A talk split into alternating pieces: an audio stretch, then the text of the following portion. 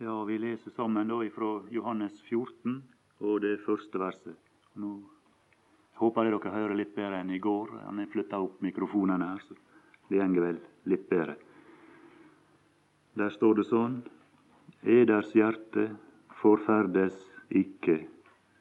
Tro på Gud og tro på meg. I min Faders hus er det mange rom. Var det ikke så, da hadde jeg sagt dere det. For jeg går bort for å berede eder sted.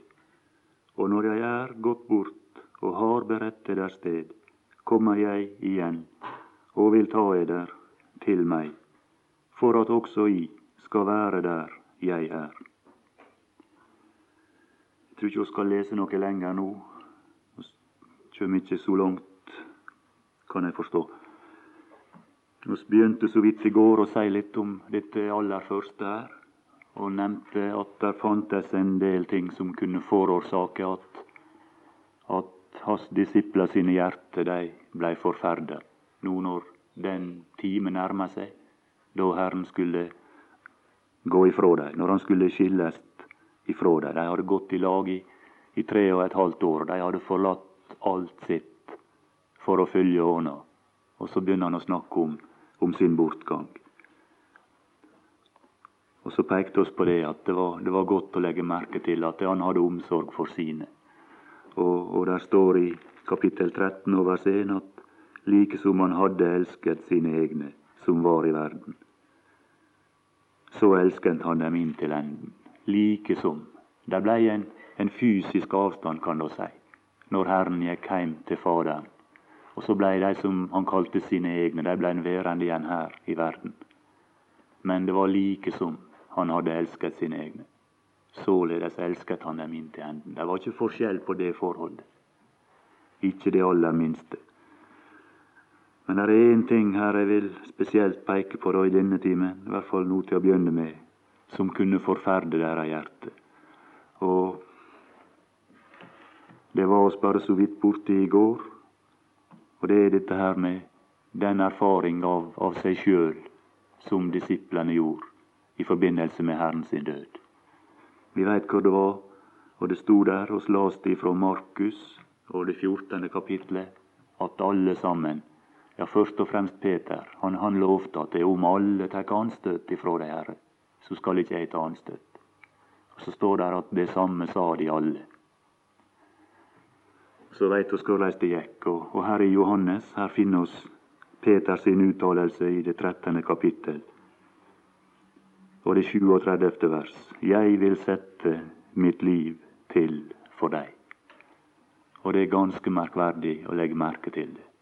Han var, han var fisker, og jeg har alltid forestilt meg Peter som en stor, kraftig mann.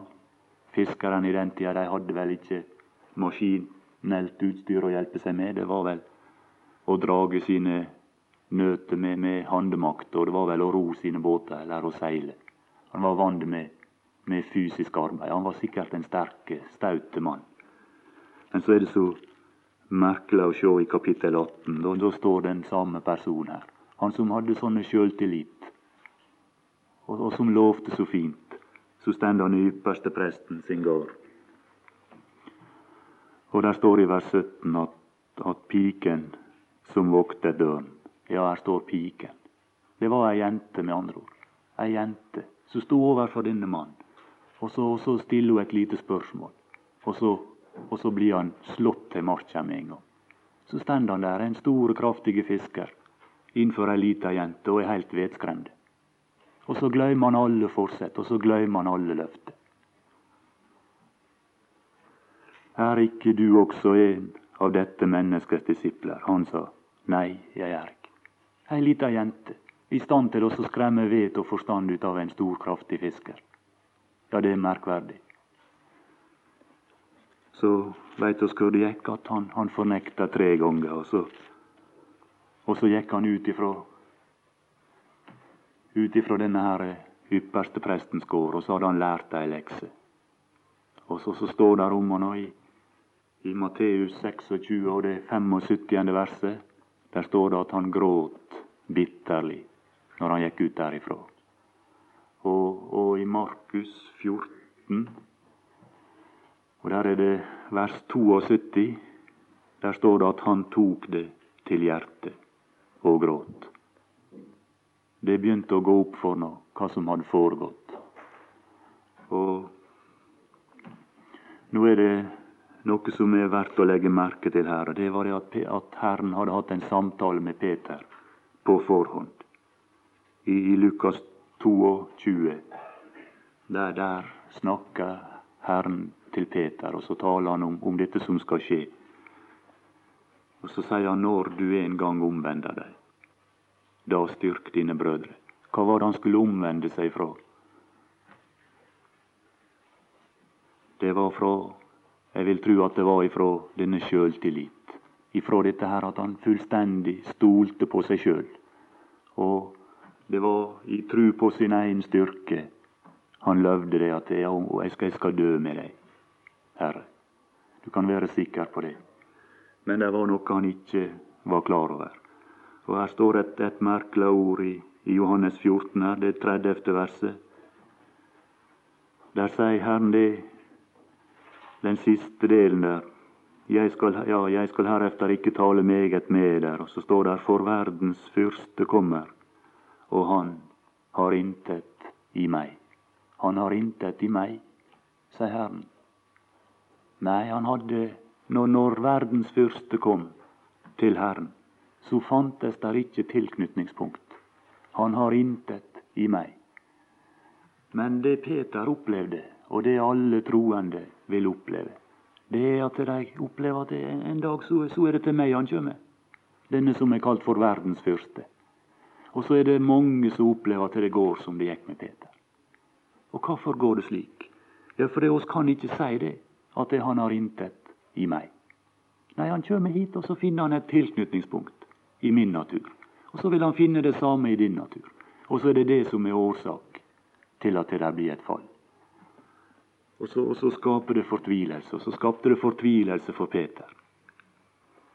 Og der står Han sa det, Herren, neders hjerte forferdes ikke. Ja, du kan være sikker at han var Han trodde at det ja, nå var alt tapt. Nå var alt ødelagt dette forholdet til den Herre Jesus, som hadde vært så godt. Ja, nå var det spolert alt sammen. Han var sikkert han var sikkert sikker på det. Du, du, du kan regne med det. Nå, nå hadde han ødelagt alt, og det er mange troende som tenker som sånn. At, at når, når, når, djevelen kommer, og så, så, og så får gripe fatt i dette som er i vår natur, og så leder det til, til fall, til fornektelse, til synd, ja, så er det det neste som kommer. Det er at når du våkner opp og blir klar over hva du har gjort, ja, så er det bunnløse fortvilelse. Og så er det denne tanken, ja, nå, nå er det ute med meg. Nå kan Herren umulig ville ha noe mer med meg å gjøre. Og så er det kanskje gråt. Og, og, så, og så er det Ja, der sto om Peter at han tok det til hjertet. Det, det, det er vondt her inne. Vi kjenner sikkert til disse tingene alle sammen av, av erfaring. Og Hvis du er her som ikke kjenner til det, tror jeg kan love deg det at du skal få, få komme til å kjenne til det, du også. Men for min del må jeg si der er noe jeg har fått lov å tru. Tru på Gud og tru på meg, sa han. Der er noe jeg har fått lov å tru når det gjelder det forhold, som gjør at det, mitt hjerte det, det, det blir nok skuffa. Og det blir nok bedrøvet. Men, men jeg blir ikke dreven ifra sans og samling av redsel. Det, det, går ikke sånn. Det er noe som jeg har fått, fått tru, noe som han har sagt. Og det, og det er det han oppfordrer oss til her. Så skal han ta et par vers fra Romerbrevet. Og det, det, var en del ting som jeg hadde Det var et problem i mitt liv når jeg var en del år yngre. Og det var et problem som Paulus kjente til, og som, som ble drøfta grundig i Romerbrevet. Og han sier, og det er den erfaring som, som oss gjør, jeg vet i Romerbrevet 7 og vers 18, at i meg, det er i mitt kjøtt, bor intet godt. Ja, det var en lang periode i, i mitt liv at jeg gikk rundt, og så så jeg bare denne side. Og så Dette er så fast for Paulus og så sikkert at han beskriver det i vers 21. Der kaller han det lov. Så finner jeg da den lov for meg. Det er ikke ei lov som er skreven med bokstaver, det er ikke et bud, men det er ei lovmessighet. Så finner jeg da den lov for meg. Jeg som vil gjøre det gode, at det onde, det ligger meg for hånden. Ja, det er det, er så snublende nær. Og så når han, når han som vil friste meg, kjem til meg, så, så er det så lett gjort. Ja, men så er det et vers, og det var det som, som hjelpte meg. Og det er Romerbrevet 8 og det sjuende verset. Eller det var et av de som hjelpte meg. Der står det at for de kjødets attrå er fiendskap mot Gud. Ja, det, det visste jeg godt når jeg var 15-16-17 år. Det merker jeg. Kjødets attrå var fiendskap mot Gud. For det er ikke Guds lov lydig. Ja, det merker jeg også. Og så, i over ett år, nesten etter et halvt år, så gikk jeg og så prøvde. Det må nå vel kunne lykkes, det. Men så var det en som las resten for meg også. Det kan heller ikke være det. Det kan heller ikke være det. Ja, det kan ikke. Det, er det beskrevet i Skriften som, som noe som er umulig. Så fikk jeg for min del lov å slutte å legge noen forventninger der. Det kan heller ikke være det. Ja, hvordan kan jeg da med frimodighet sjå opp i Guds åsyn? Hvordan? Ja, oss må ta et vers til. Andre Korinterbrev 5 og 21. Og Der er det en annen person som blir brakt inn i bildet. Der står det om Herren at ham som ikke visste av synd, har han gjort til synd for oss, for at vi i ham Ja, der er på Der var løsninga på mitt problem. Vi i ham skal bli rettferdige for Gud. Og der er løsninga for alle sitt problem. Så får jeg slutte å legge alle disse forventningene om at Gud skal være tilfreds med meg på min egen natur og på meg sjøl. Men så får jeg sjå det at det, det, er i ham. Og jeg er rettferdig for Gud. Og ordet rettferdig, det, det har vel med, med ferd å gjøre, og det har med ei rett ferd å gjøre. Og så i Kristus så er det slik for den enkelte troende at Herren betrakter han, også. og så hva ser han? Jau, han ser ei rett ferd. Så er det i Kristus. Og så har dette her hatt den effekt da for meg at når, det skjer at, at jeg feller, når det skjer at det går galt for meg, ja, så veit jeg det. At jeg er i Kristus. Der er jeg fremdeles rettferdig for Gud.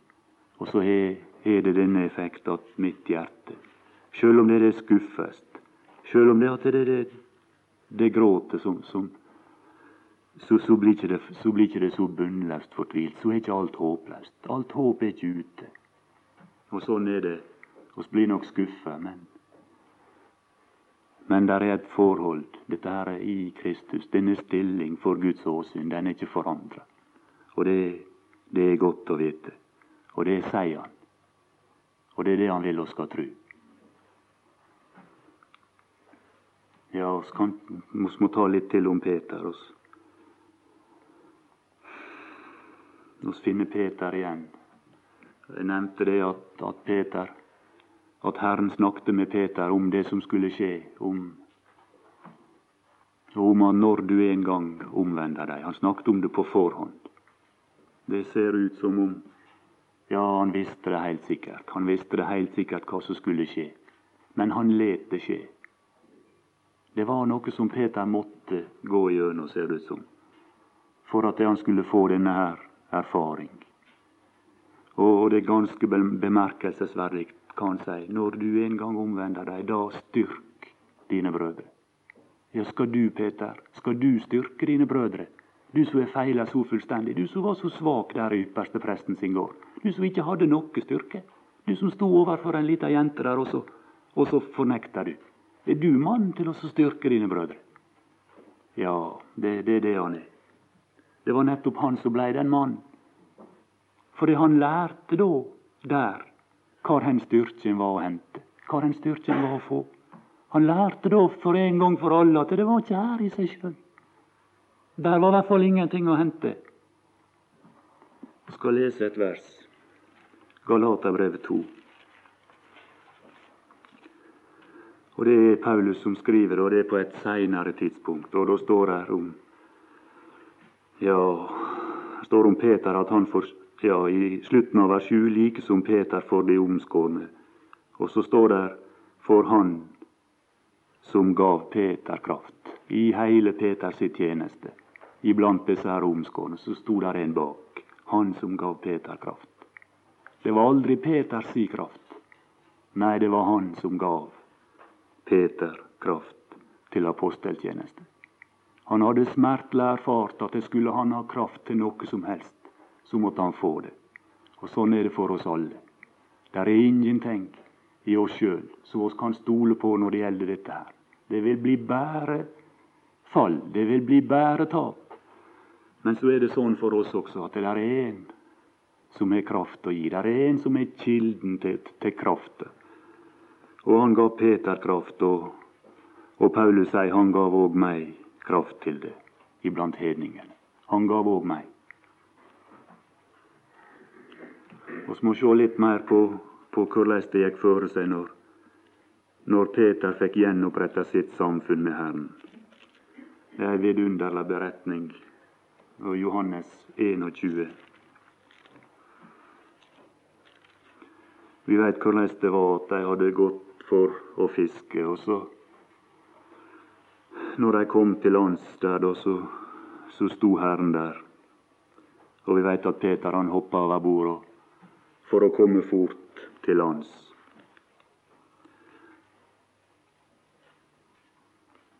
Og Så står han her da i, vers 14 står at det var nå tredje gang Jesus åpenbarte seg for sine disipler efter at han var oppstanden fra de døde. Da de nu hadde holdt måltid, sier Jesus til Simon Peter. Simon, Johannes' sønn, elsker du meg mere enn disse? Ja, det måtte være et vanskelig spørsmål å få. For han hadde nettopp, når han sto der sammen med alle de andre apostlene, så har han sagt om, om, om alle tar anstøt, ja, så skal ikke jeg ta anstøt, Herre. Om alle. Og nå sto han her, og så var det seks andre lamena. Nettopp av de samme karene. Så får han dette vanskelige spørsmålet. Kan du si det nå, Peter, at du elsker meg mer enn disse. Og Legg merke til at det her kommer tre spørsmål. Det svarer kanskje til at det var tre fornektelser. Og vi kan også legge merke til at det var, her var en kullild. Og det var der i ypperste prestens gård også. Det var, det var ting, og det talte sikkert direkte til Peters hjerte og til hans samvittighet. Og det står uttrykkelig her i vers 17 Peter ble bedrøvet. Han ble bedrøvet, ja.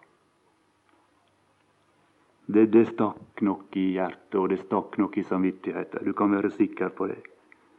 Peter ble bedrøvet over at han tredje gang sa til ham, Har du meg kjær? Og han sier til ham, og så kommer han også med litt fint for meg, Herre, du vet alt. Du vet alt, sa han. Du vet at jeg har deg kjær. Han henviser ikke til noen av disse som sto rundt, som vitner på at det han elsker Herren. Nei, han kunne ikke det. Og sånn er det vel kanskje for enkelte av oss også. At det er våre ord og våre handlinger. De er av en sånn karakter at de ikke vitner om at de elsker Herren. Men så er det vidunderlig å kunne si det som Peter sier her. Du vet alt. Det er ingen annen som vet alt om det. Du er vel klar over det sjøl. Det er bare én som veit alt om det, og om dine ord og dine gjerninger og alt det du har gjort av synlige ting i denne verden, vitner imot at du elsker Herren. Hvis du er et Guds barn, så veit Han at du elsker Ham. Du vet alt. Og det er kun Han som veit alt. Og var, han var sikkert den eneste som visste. Når Peter gikk ut av ypperste prestens gård, så var han nok kanskje den eneste, den Herre Jesus, som visste. Ja, han, han elsker meg ennå. Han elsker meg ennå. Det var ikke noe synlig, men Herren visste det. Og han veit om alle sine barn. Uansett hvordan det ser ut. Du kan være sikker på det. Han veit alt.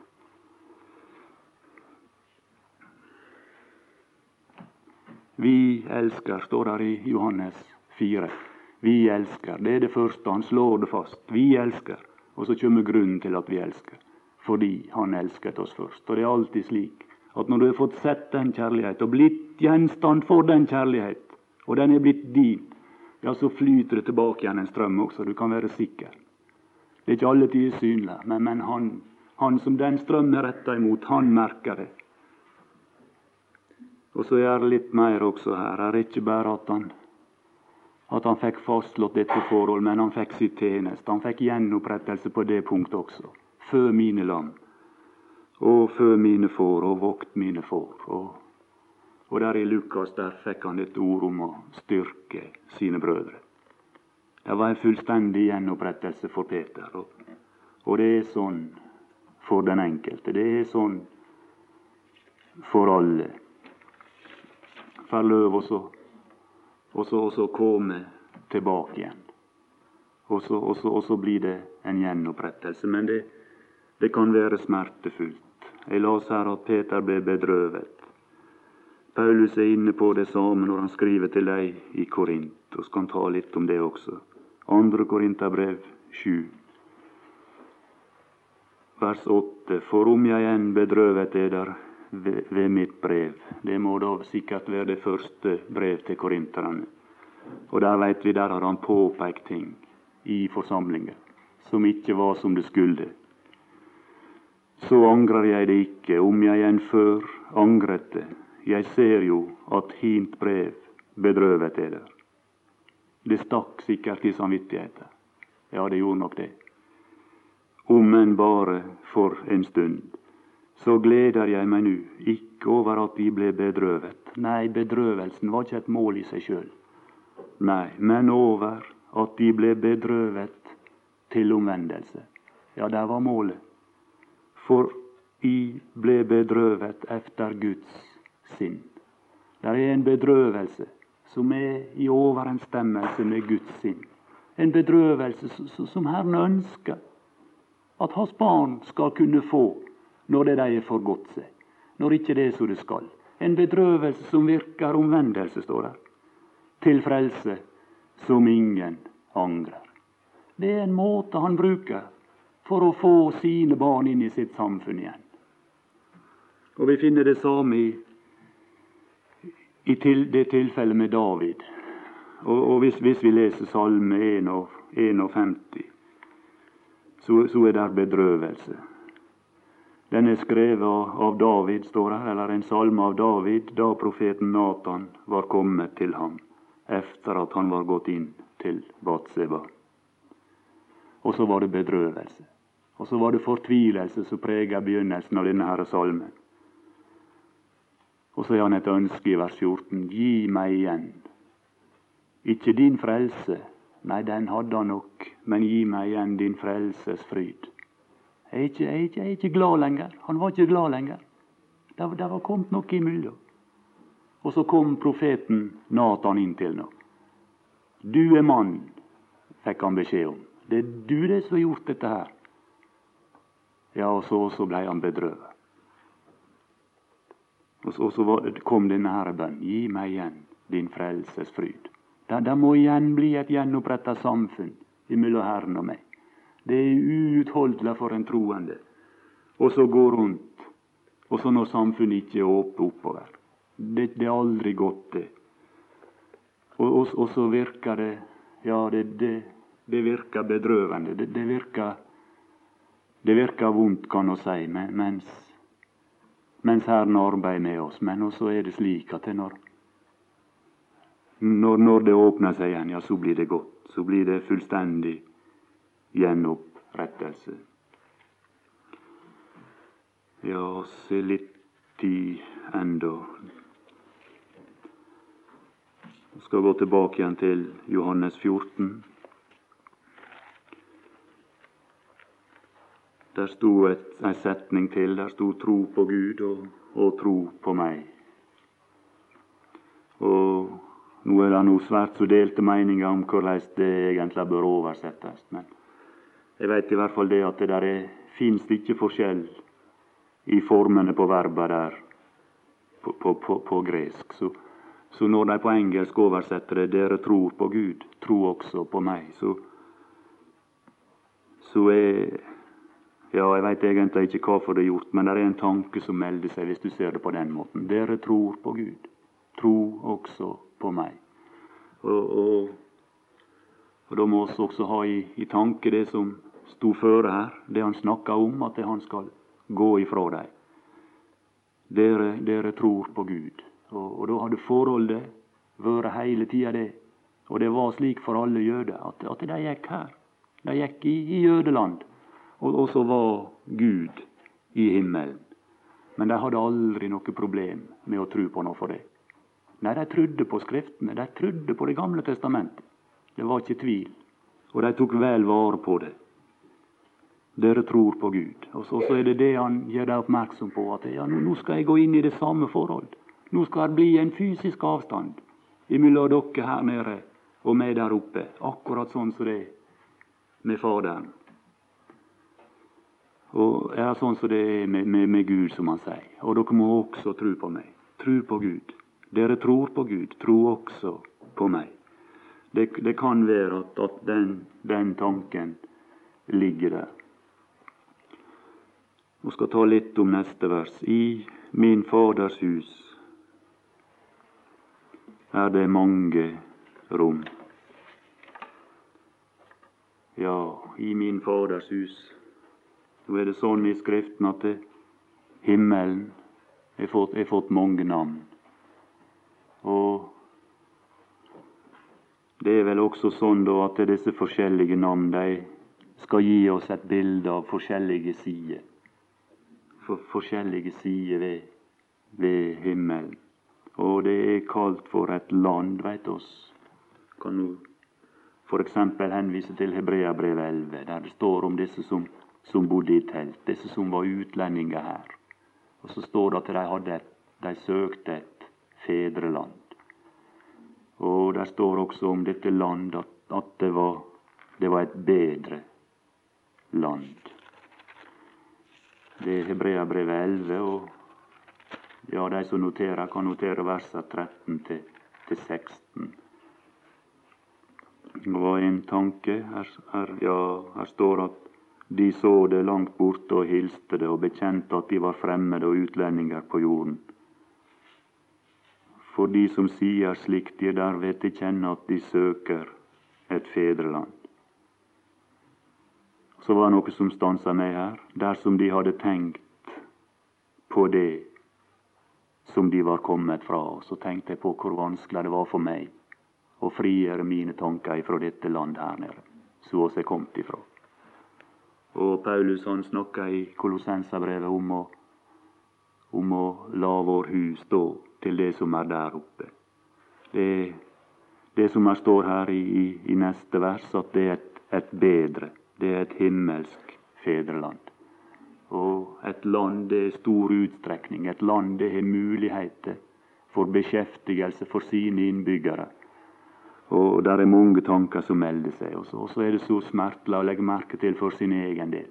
At jeg er så opp, lite opptatt med de muligheter som befinner seg i det himmelske fedreland. Og så er jeg så mye opptatt med, med det som er her nede. Som er så kortvarig, og som er så midlertidig så er det så, er det så vanskelig å så la være å tenke på det som du er kommet ifra, og på det som omgir deg. Og så, så opp, opplever han stadig opplever han stadig det at det, at det, er, så, ja, det er så vanskelig å la, la, sin hu, som der står, stå til det som er der oppe. Det, det er slik for oss alle sikkert at det er det som, det som omgir oss her, som vi kan ta på med våre hender og se med våre naturlige øyne, det er så reelt, liksom. Det er så nær. Og dette som er med himmelen å gjøre, det blir så fjernt. Det skulle ikke være sånn. Det var ikke sånn for Paulus. For han var det det åndelige. Så var det virkelige. Og så var alt dette andre det var bare tap. Det var bare sånn som han måtte kunne, kunne la fare. Og han setter det opp imot hverandre, og så sier han kunnskapen sier han, om Kristus. Den er meget mer verdt. Og, og så glemmer han alt annet, og så, og så løper han mot det mål. Ja, og så er det kalt, også i Hebreabrevet er det kalt for en by, en, en stad. Og så står det at det er en stad med, med faste grunnvoller. Og når det er snakk om grunnvoller, så er det vel snakk om noe som er, er fast og trygt og, og, stabilt, og noe som blir stående. Og det er også kalt et rike eller et kongedømme. Og det finner du bl.a. i 2. Peter 1,11. Der er det et rike, og der er Herren som er øvrighet i det riket. Han er konge. Så det er evigheten og himmelen. Og det, det skal bli et ordna samfunn. Det skal bli et ordna samfunn. Og Hebreabrevet 12, 28, der står det om et rike som, som ikke kan. Det er ikke det at det ikke skal rystes, men der står at det ikke kan rystes. Og jeg tenker litt på det. Alle disse rike som vi ser rundt omkring oss. Forskjellige troende som ser ut som de stender så fast. Det var en her i Iran som satt på noe som de kalte for påfugltrona. Og så, og så virka det så stabilt, liksom. Og så gikk det, var det gjort på et øyeblikk, så, så størta det om. Men han skal en dag ta i besittelse sitt rike og, og det kan ikke rystes, står der. Og kanskje grunnen ligger i, i, i det som her står i Skriftene, at ja, kapittel 1 og vers 8 Der sier han om Sønnen, din trone, Gud, står i all evighet. Rettvishets kongestav er ditt rikes kongestav. Rettvisets kongestav. Kanskje det er derfor det blir stående.